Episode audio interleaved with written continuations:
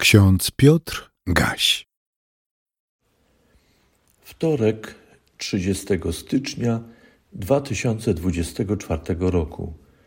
W pierwszej księdze Samuela w 17 rozdziale, 17 i 18 wersecie czytamy: Rzekł raz Isaj do Dawida, swego syna: Zapytaj o powodzenie swoich braci. W Ewangelii według przekazu Łukasza piątym rozdziale, osiemnastym wersecie znajdujemy takie słowa.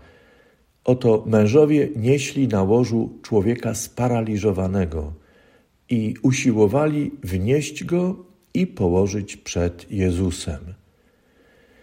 W związku z napaścią Filistynów na Izraelitów, król Saul wyprowadził swoje wojsko przeciwko napastnikom.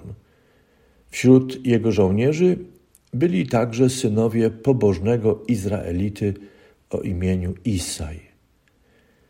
Wojna zawsze przynosi ze sobą wielorakie zagrożenia. To oczywiste, że każda wojna, także obronna, wyniszcza ludzi fizycznie i psychicznie. Z tego powodu jakże ważne są przejawy życzliwości i wsparcia dla fizycznej i psychicznej kondycji ludzi poddanych wyniszczającym siłom wojny. Utrzymywanie więzi z domem, z rodziną w burzliwym czasie ma terapeutyczną moc. Jest jak cudowny promień światła w ponury czas złowrogiego mroku. Dzisiejsze hasło biblijne, wyjęte ze Starego Testamentu, opowiada o wspomnianym już Isaju, i o jego synach walczących pod dowództwem Saula przeciwko Filistynom. Isaj kochał swoich synów, ale w czasie wojny niewiele mógł dać zrobić. Zrobił jednakże to, co mógł. Dał synom czytelny znak, że pamięta o nich, kocha ich i otacza ich ojcowską życzliwością. Cóż więc zrobił?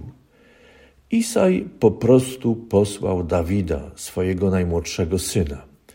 Po pierwsze, posyłając, polecił Dawidowi zabrać prowiant dla braci. I to było istotne wsparcie fizyczne dla walczących na froncie. Po drugie, polecił również Dawidowi, aby zaniósł dar tysiącznikowi, dowódcy, i zapytał tegoż dowódcę w imieniu ojca Isaja o powodzenie jego synów. Zwracając się do tysiącznika za pośrednictwem Dawida, Isaj okazał synom psychiczne wsparcie. Tysiącznikowi zaś przypomniał, że zdrowie i życie podkomendnych, mężczyzn oderwanych od ojców, od ich rodzin, zależy od roztropności ich dowódców, wśród nich owego tysiącznika. Co ważne, Isaj nie szukał protekcji dla swoich synów. Isaj daje znak pamięci i życzliwości swoim synom z jednej strony, z drugiej strony ich dowódcy. Sam nie mógł już walczyć z powodu wieku, ale był z tymi, którzy za niego, za Isaja i innych Izraelitów narażali swe zdrowie i życie. Tak więc synowie Isaja oraz tysiącznik mogli misję powierzoną Dawidowi odczytać jednoznacznie. Jest ktoś, kto jest im wszystkim życzliwy, pamięta o nich, jest im wdzięczny i wspiera ich. Hasło nowotestamentowe przypomina nam historię sparaliżowanego człowieka. Choroba wykluczyła go ze społeczeństwa.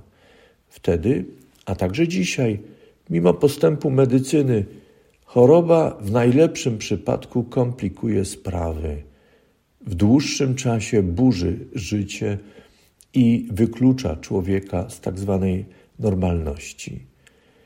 Fizyczne i psychiczne szkody spowodowane chorobą bywają poważne, a czasem wywołują nieodwracalne zmiany. Nie wspomnę już, że zmaganie z poważną chorobą przypomina frontową walkę, w której człowiek walczy o siebie, o życie, a mając odpowiedzialność za innych, walczy także z chorobą dla innych.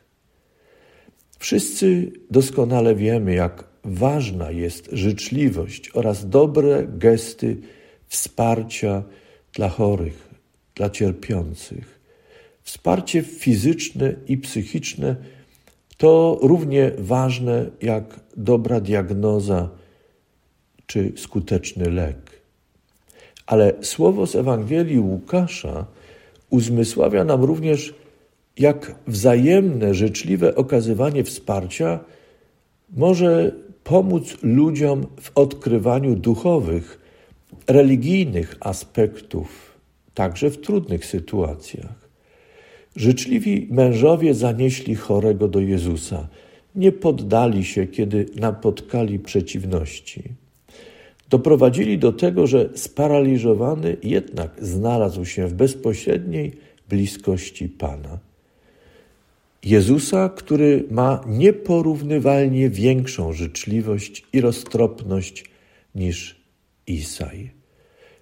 Jezusa, który dźwiga niewyobrażalnie większą odpowiedzialność niż tysiącznik, bo nosi odpowiedzialność za każdą i każdego z nas i całe stworzenie. Życzę Wam wszystkim dobrego dnia.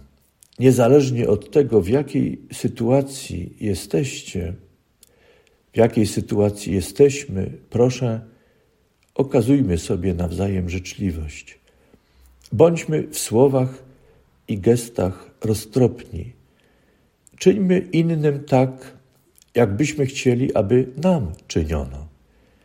Nie daj Boże, abyśmy przyczyniali się do fizycznego, psychicznego lub duchowego uszczerbku kogokolwiek z napotkanych w naszym życiu. Chciejmy być jak Isaj, jak anonimowi mężowie utrwaleni na kartach Ewangelii. Bądźmy nade wszystko naśladowcami Jezusa Chrystusa, który jest doskonałym wzorem życzliwości i wszelkiej pomocy. Niech Was Bóg prowadzi i niech Wam Bóg błogosławi. Amen.